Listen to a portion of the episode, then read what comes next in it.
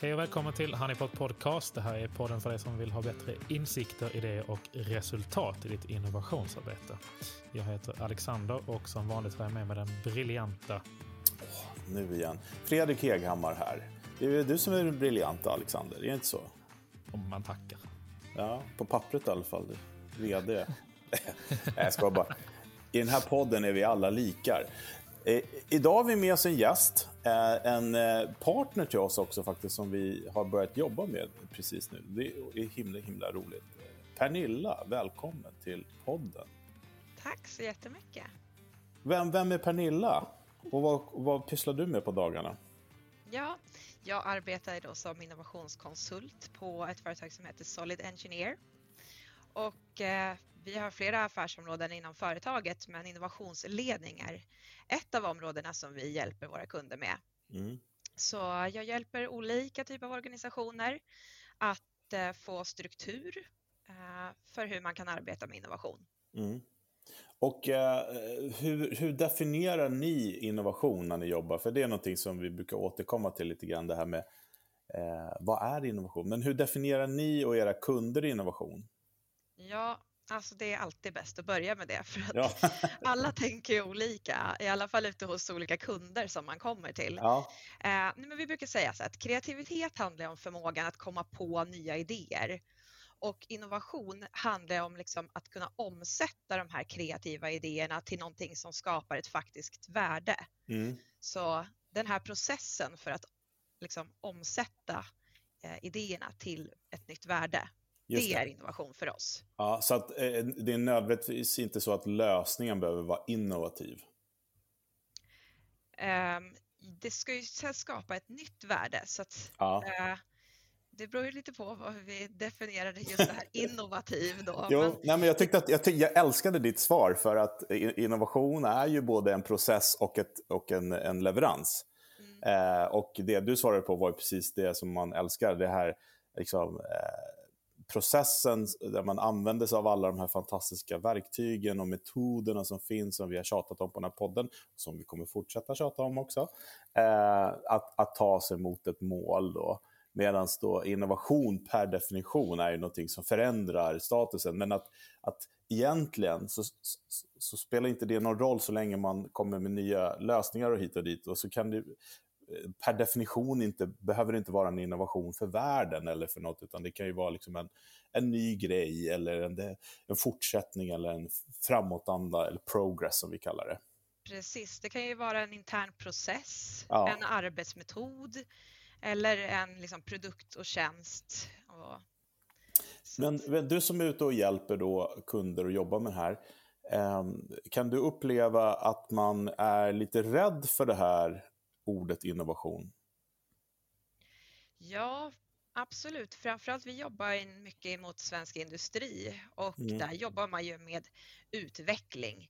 Och ibland när jag kommer in och vi pratar, ja, hur, har ni någon innovationsstrategi?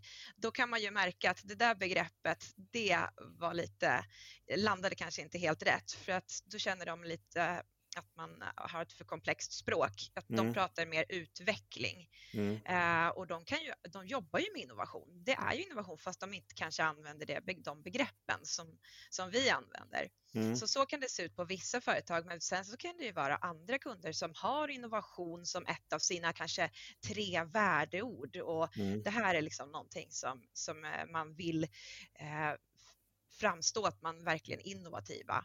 Men sen kanske man har medarbetare som upplever att det inte är speciellt innovativa processer mm. och medarbetare har inte möjlighet att komma med idéer och eh, det här radikala innovationsarbetet saknas. Mm. Eh, så det finns ja, bägge delar där. Ja, men jag känner igen mig det där också och eh, jag tror jag har tagit upp det någon gång förut men det var ett företag som jag jobbat med som sökte en innovationsledare och när jag fick se arbetsbeskrivningen så var det en IT-projektledare rakt av egentligen.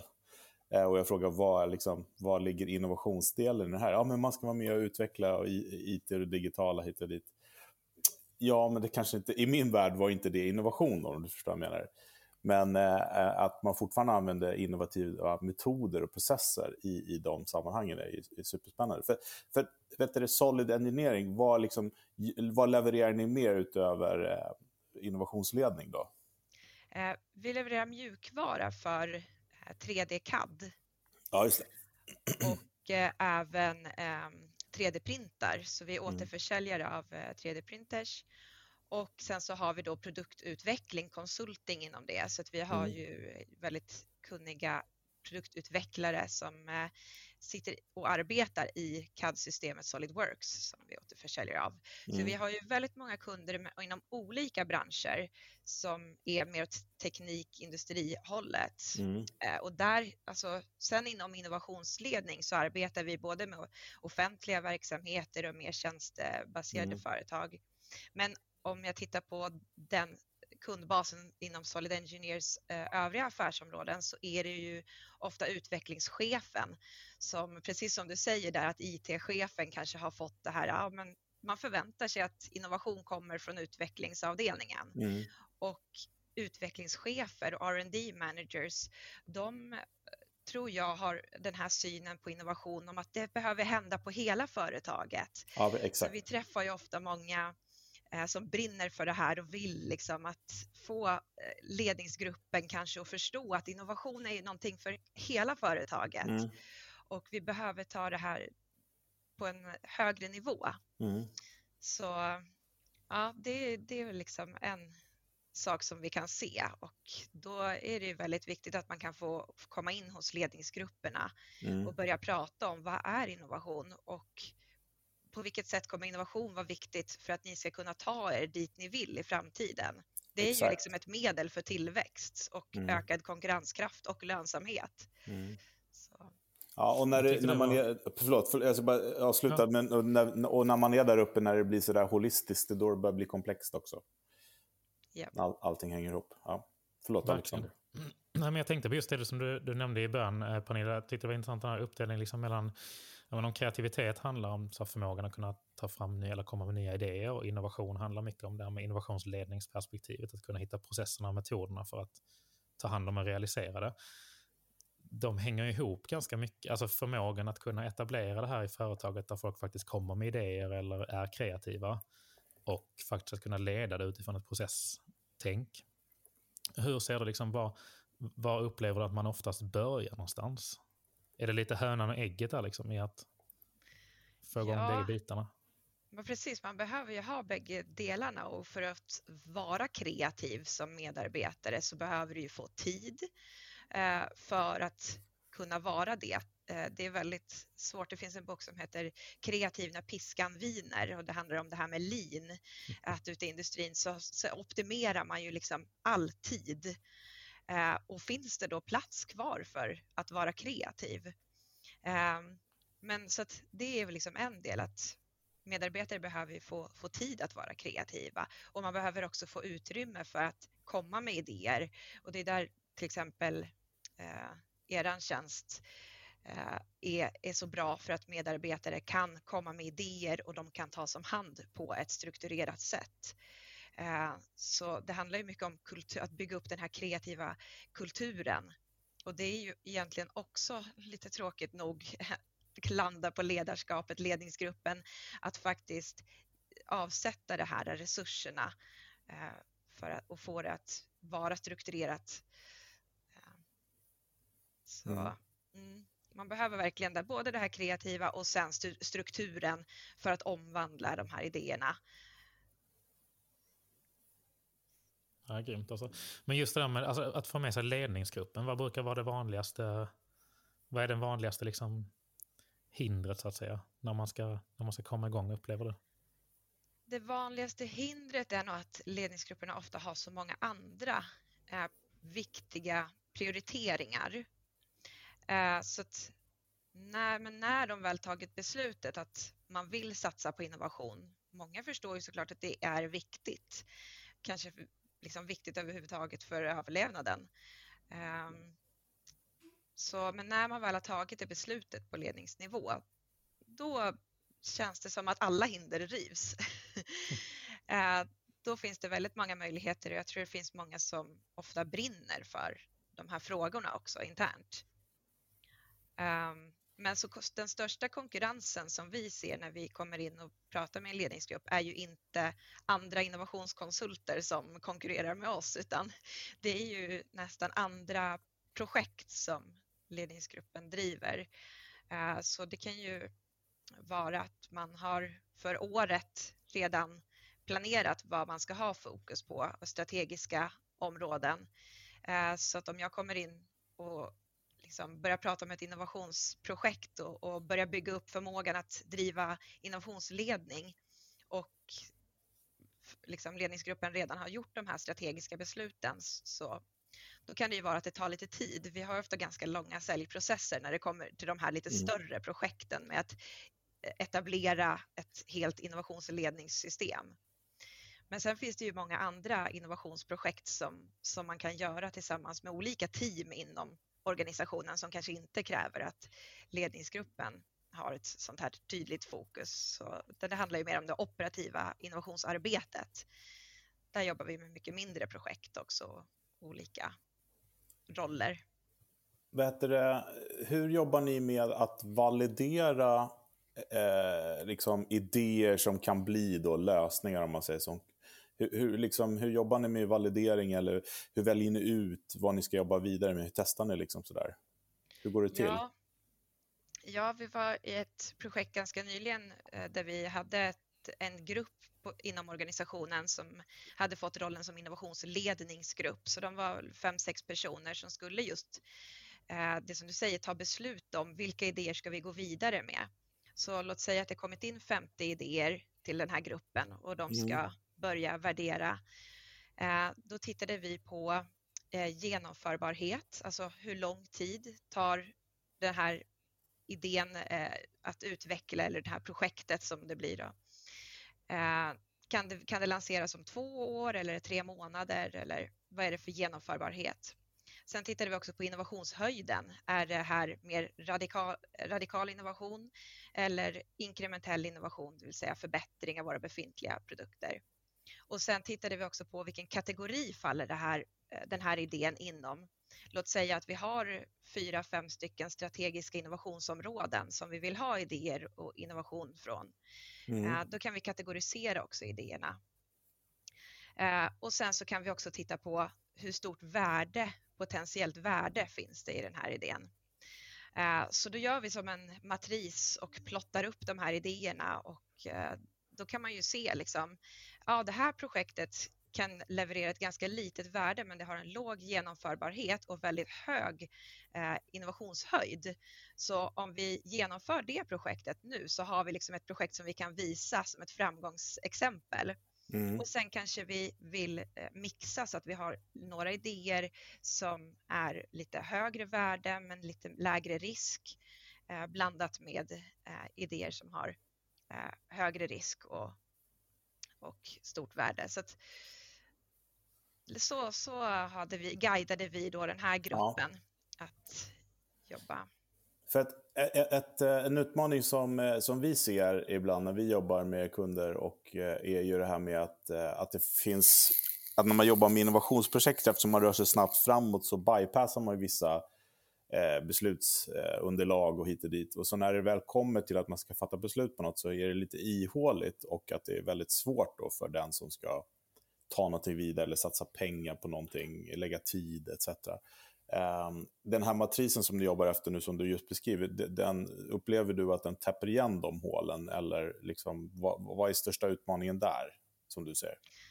Um Ja, jo, det finns ju flera steg på vägen i sånt här, mm. alltså vi brukar kalla det för ett idéhanteringsflöde. Så mm. när en medarbetare kommer med en idé, det är liksom första steget och vad händer sen liksom? Så blir det som en flödesprocess som vi brukar rita upp och då, där finns det ju flera delar som, som skapar utmaningar egentligen kan man säga. Mm. Men, och egentligen, det, jag, jag guidade ett företag nyligen som där medarbetarna ja, det var just några personer, någon chef som skulle liksom ta beslut om idéer och vi tittade lite, vad finns det för idéer här då som har kommit in? Och det var väldigt luddigt beskrivna idéer. Ja, just det. Eh, och då blir det ju väldigt svårt att ta beslut om det inte finns någon tydlig struktur för den som ska lämna in en idé.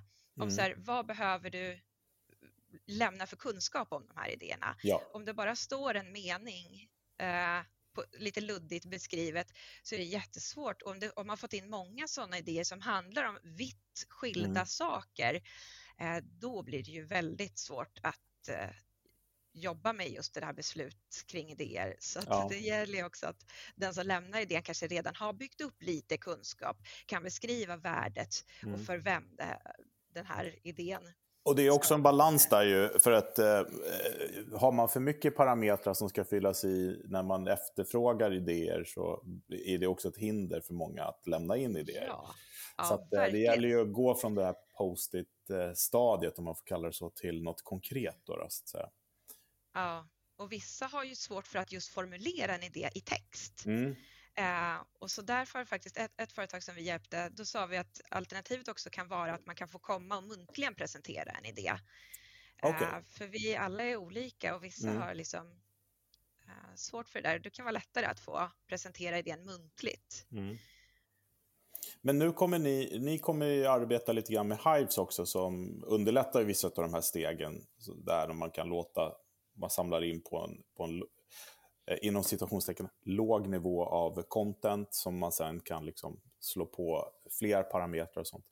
Eh, ja. Det känns ju som att det kommer kanske underlätta en del för, för hur ni jobbar. Ja, men det är så klockrent när jag började liksom förstå Hives så kändes det som att ja, här är liksom alla de här templatesarna som vi har gjort i liksom Word och Excel, den här mm. matrisen mm. som jag precis beskrev, hur man kan ta beslut och mm. plotta idéer. Det gjorde ju vi i Excel, ett super, super eh, seriöst liksom Excel-dokument, ja. sheet.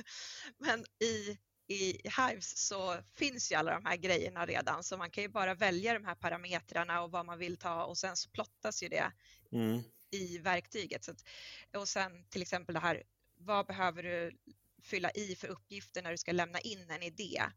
Där hade ju vi tagit fram också templates och jobbade med mm. eh, som ju var dokument. Mm. Det blir en väldigt massa dokument mm. som, som, inom organisationen och framförallt de här som ska ta beslut om idéer, eh, det blir ju eh, många kriterier. Att kunna göra det liksom online på en mm. plattform, det, det blir ju väldigt mycket enklare.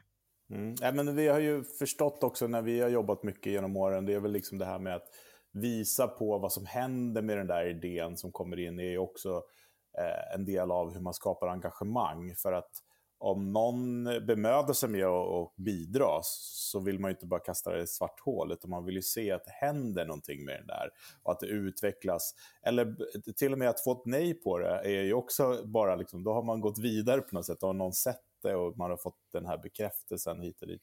Jag tror att, jag tror att det är en väldigt viktig del att skapa engagemang, eller hur ser ja, du på det? Alltså, ja, jag tycker att det är, det är nästan det bästa med sådana digitala idéhanteringsplattformar. Just att du som medarbetare kan gå in och se. Du kan dels se liksom vilka strategiska områden som organisationen vill ha idéer inom. Så du ser lite, du får en känsla av vart är företaget på väg någonstans och sen så kunna se alla andras idéer eh, och se att det liksom bubblar eh, mm. av aktivitet och idéer och jag kan vara med och bidra eller jag kan vara med och titta och läsa.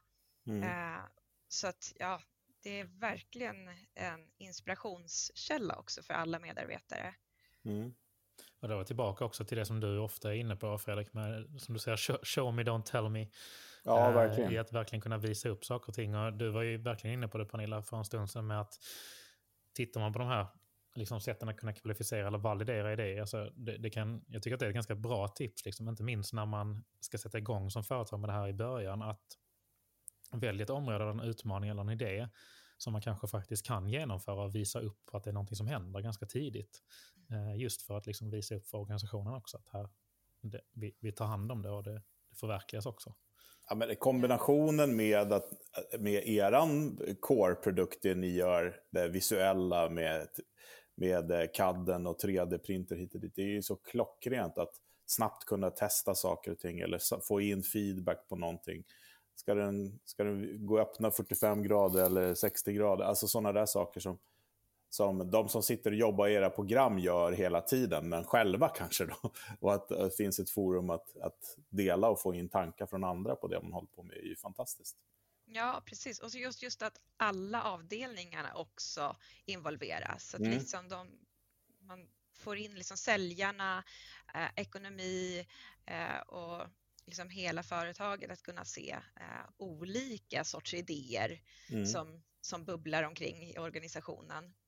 Och Mm. att inte, så att det inte blir så isolerat att utvecklingsavdelningarna, men de sitter där med sitt, liksom, med, sina, med produkterna och jobbar med produktinnovation. Och där borta liksom är admin-gänget som kanske håller på att titta på någon ny process. Eh, utan att man kan faktiskt se vad, vad, vad de andra gör och vara med och bidra i, i Ja, men det, det, det är då det kan bli sådär klockrent. Eh, där- när både då marknad och all, allting faller ihop när den som sitter och utvecklar så här. Ja, men om du gör den där luckan 43 cm bred istället för 42 så har vi en helt ny marknad för att det är det som efterfrågas. Och det, det är sådana där grejer som man glömmer ibland när man sitter och utvecklar på kammaren. Att man, man, man har fått in lite data från ett ställe som bara, ja, men man ska, den ska vara 42, men sen så i själva fall, fallet så, så får man reda på då utav de andra avdelningarna att nej, men säljarna när de utdelat in, det är bara 43 de efterfrågar och hit och dit. Um, och det låter ju så banalt, men det är ju verkligen så det går till. Liksom. Ja, innovationsarbete gynnas ju av flera perspektiv. Liksom. Så Ja. det är ju...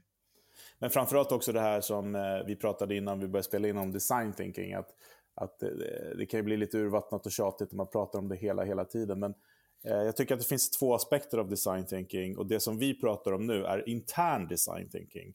Alltså att man tar med sig, man får representation från de olika avdelningarna när man jobbar med utvecklingsarbete. Det är minst lika viktigt som att få användarfeedback som då design thinking kanske då är uppbyggt kring att man ska titta på slutanvändaren hit och dit. Men också det här med att, att få det holistiska perspektivet som vi började den här podden med att prata om eh, när, när man får eh, förankring i ledningen, när det helt enkelt blir på riktigt, eh, är ju super, superviktigt. Mm. Verkligen. Mm. Men när det kommer till liksom just det här med metoder, alltså design thinking är någonting som många berör. Eh, skulle du säga att det finns liksom specifika ramverk som, som ni ofta använder när ni går in? Eller, när ni liksom, Ja, eller är det väldigt har olika från företag till företag? hittat några favoriter liksom, genom åren som vi oftast använder. Just när det kommer till workshopformat, när man, ska, man har ett team som man kanske vill ta lite längre, att tänka lite beyond vad man har varit tidigare, så har vi hittat ett antal eh, modeller eller metoder. Vi har faktiskt spelat in en videobloggserie som heter Innovation Toolbox där vi eh, tar upp sju stycken av våra mest använda eller våra favoriter inom innovationsverktyg. Eh, Den är väldigt sevärd, ska jag säga. Så den Ja, är tack. verkligen för att tipsa alla som är in- innovationsintresserade ute och kika igenom de videorna. Mm. Ja. Vi kanske kan länka till dem eh, i poddbeskrivningen. Det gör vi definitivt. Så när ni hör det här så kan ni då eh, gå tillbaka till poddbeskrivningen och klicka Mm. på länken så får ni se. Precis. Eh, men jag tänker, eh, ska vi släppa lös eh, kongas eller bongos-trummorna? Är det dags för Ja, det, det- eller? Det gör vi. Det är dags. Ja, ja. De kommer här. Veckans goodiebag. Ja, det var veckans goodiebag. Jag skulle säga att det definitivt är bongos, det vill säga den små varianten som man har Det i knät. Ja, jag tycker det låter som det. Eller vad säger, vad säger du. Pernilla? Är det bongos eller kongas? nej, det där är utanför mitt expertisområde faktiskt. Vi får göra en eh, innovationssprint och ta reda på det. Men eh, det, det är inte det vi ska prata om, utan vi ska dela med oss, eller du ska dela med dig av ett, eh, en liten goodiebag som vi skickar med eh, våra lyssnare. Eh, något konkret och härligt. Vad har du med Ja. dig idag? Ja, men då tänkte jag tipsa om ett ramverk som heter 10 Types of Innovation. Och ja, men det är ett av de här eh, modellerna som vi pratar om i den här Innovation Toolbox och en som jag inte tycker att jag hör så många andra prata om. Vi älskar 10 Types of Innovation. Eh, och varför gör vi det då? Jo, för att det handlar om att just det här holistiska, se på innovation över alla olika typer. Många av våra kunder är väldigt fokuserade på sin produkt, på sin tjänst och man kanske utvecklar det som anses vara liksom världsbäst inom just den produktkategorin. Och ingenjörerna är liksom superbra på att utveckla den här produkten. Men det finns ju andra typer av innovation. Så 10 Types of Innovation är indelat i tre stycken områden. Så dels är det liksom de här interna processerna, vår affärsmodell. Kanske kan vi tänka nytt kring hur vi säljer våra produkter till våra kunder. Mm. Eller kring vår logistik eller våra interna processer. Och sen så har vi då eh, på den andra sidan eh, hur vi skapar en upplevelse kring våra produkter. Så vilka kanaler använder vi för att nå ut till kunden och vilket engagemang skapar vi med kunderna och kan vi tänka nytt inom de här områdena? Så låt mig ge ett exempel. Om vi tänker oss Lego, vad de har för, för strategi då, om man tittar på 10 Types of Innovation mm. så har ju de sin produkt som ju är modulär, att man bygger ihop klossar och du kan liksom köpa flera paket och de är modulära i produkten. Eh, men sen så skapar de ju upplevelsen också i sina Lego stores. Så de här unika Lego-butikerna där du kan kliva in och få köpa lite mer exklusiva eh, paket av Lego. Och sen har de då upplevelsen i form av ett engagemang där de använder det här Legoland mm. Eh, för att engagera kunderna i varumärket. Och sen så samarbetar de även med till exempel Disney där de gör paket med eh, Elsa och Anna från Frost eller mm. det är Star Wars. Eh, så förutom att utveckla produkten så jobbar de ju med innovation på flera, inom flera områden. Så här är liksom en, en möjlighet att kunna titta på hur jobbar vi idag? Vart har vi koncentrerat vårt innovationsarbete? Mm. Ligger vi väldigt fokuserade inom produkten? Och vad skulle vi kunna göra inom de andra typerna som vi inte har tänkt på? Jag tycker, jag tycker det är ett jättespännande eh, exempel också med Lego. För att de försökte innovera sig själva med att ta fram såna här unika Lego-bitar och sådana saker. Men det floppade ju. Så Lego var ju långt ner på skalan ett tag. Liksom, det gick bara att bygga en modell tills de gick tillbaka till sina, sitt modulära system. Det var likadant att de bommade ju helt den här digitala delen för att de försökte bygga en Sims-värld istället för att göra som Minecraft, bygga lego. Eh, jag jobbade med deras eh, Creative Lab-avdelning just på det där med att titta på vad de skulle kunna göra med det digitala. Och där var det verkligen att jag menar, Minecraft kom ju och tog hela deras fundament, liksom, som du säger, det här modulära, bygga lego. Liksom. Eh, Medan då de kanske skulle ha låtit produkten vara i fred eh, när det kommer till eh, den delen och eh, kanske då jobbat mer med upplevelsen och sånt på annat håll. Men nu håller de ju jobba innoverar de ju produkten väldigt mycket och tittar på eh, med eh, hållbarhet såklart. Och det, och de ändrar inte formen på dem, men de ändrar då tillverkningen helt enkelt. Så man innoverar där istället. Så det, de är jättebra de där stegen. Verkligen. Och det är, Lego är ett, verkligen ett bolag som har funnits inom, precis som du är inne på Pernilla, de har ju snackat om att ha, vad ska man säga, skapat leverage liksom på många fronter kring produkten. Och inte bara liksom, utveckla produkten i sig själv bara. Mm. Eh, är den där produkten, jag sitter och tittar lite grann på den när vi pratar, är det någon företag som ligger bakom den? Är det Doblin ja, som ligger bakom? Det är Deloitte. Deloitte, okay, ja. Men sen så har det knoppats av ett konsultbolag som heter Doblin. Mm, det, okay, ja. Som eh, driver, eh, de har ju också gjort en bok, 10 Types of Innovation, mm. som också är superbra, fullsmäckad med bra exempel. Mm. Eh, och så det här tycker jag man tar liksom innovation till den här strategiska nivån där man faktiskt också kan titta på okay, andra konkurrenter på våran marknad. Vart fokuserar de sina innovationsprojekt? Ja. Eh, och så kan man ju baserat på det titta att men gud, det finns ingen på vår marknad som faktiskt gör något specifikt, specifikt innovativt kundengagemang som till exempel har gjort Lego gjort med Legoland. Och då kan man ta inspiration från andra branscher mm. och kanske vara den som tar fram någonting helt nytt. Uh, och, och, det kanske man vinner mer på i slutändan än att faktiskt göra nästa version av produkten. Ja, men precis. Och sen så en annan, ett annat hett tips, det här jag frågade dig om hur man validerar idéer. eller lösningar eller potentiell innovation. Har man en eh, fantastisk idé som inte svarar på någon av de där tio typerna, då ska man inte göra det i det företaget. då är man helt, helt ute och cyklar. Då, då, ska, då, kan man starta ett nytt bolag kanske. Mm. Det kan vara en ganska bra checklista då. Ja, men det verkligen bra checklista som precis som Pernilla sa där, att första delen handlar om liksom konfiguration, kallar de det ju, liksom där, mm. modell och struktur och process. Och nästa är då erbjudandet och den tredje är då upplevelsen. Så det är, det, är, verkligen, som du säger, ett holistiskt perspektiv på vad idén passar in. Och det tycker jag också, Eh, jag undervisar mycket i det här ämnet och, har innan undervisat väldigt mycket i kommunikation. Och där brukar man säga, är det för, är det för alla så är det för ingen. Eh, och likadant här, om innovationen då med hjälp av den här 10 types så kan du liksom fokusera på att göra en del av det där riktigt, riktigt bra till att börja med innan du börjar liksom skala ut dem åt de andra. Så tio, eh, nio då blir det i sådana fall. Eh, så det är superbra tycker jag. Ja, man har också kunnat visa i statistik när man har gjort eh, forskning om det här att eh, framgångsrika företag kombinerar fem eller fler av de här mm. tio typerna. Så Precis. är det företag som märker att du jobbar mest med, med, två stycken av de här tio typerna och inte har gjort något speciellt innovativt inom, inom några av de andra typerna så kan det vara en idé att uh, titta på vad man kan mm. uh, göra. Ja men verkligen. Och, och, som vi pratar också om med representation från de olika avdelningarna.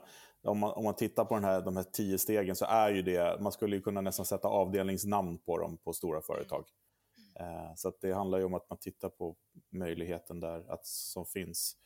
Och eh, som när jag jobbade på Google, då hade vi de här tre, är det bra för användaren, bra för världen eller bra för Google? Att det skulle vara minst två av dem eh, är ju också en sån här checklistegrej som man kan använda precis som den här 10 types. Liksom, som, eh, som sagt var, är inget med där på så, så kanske inte är så bra att springa på det.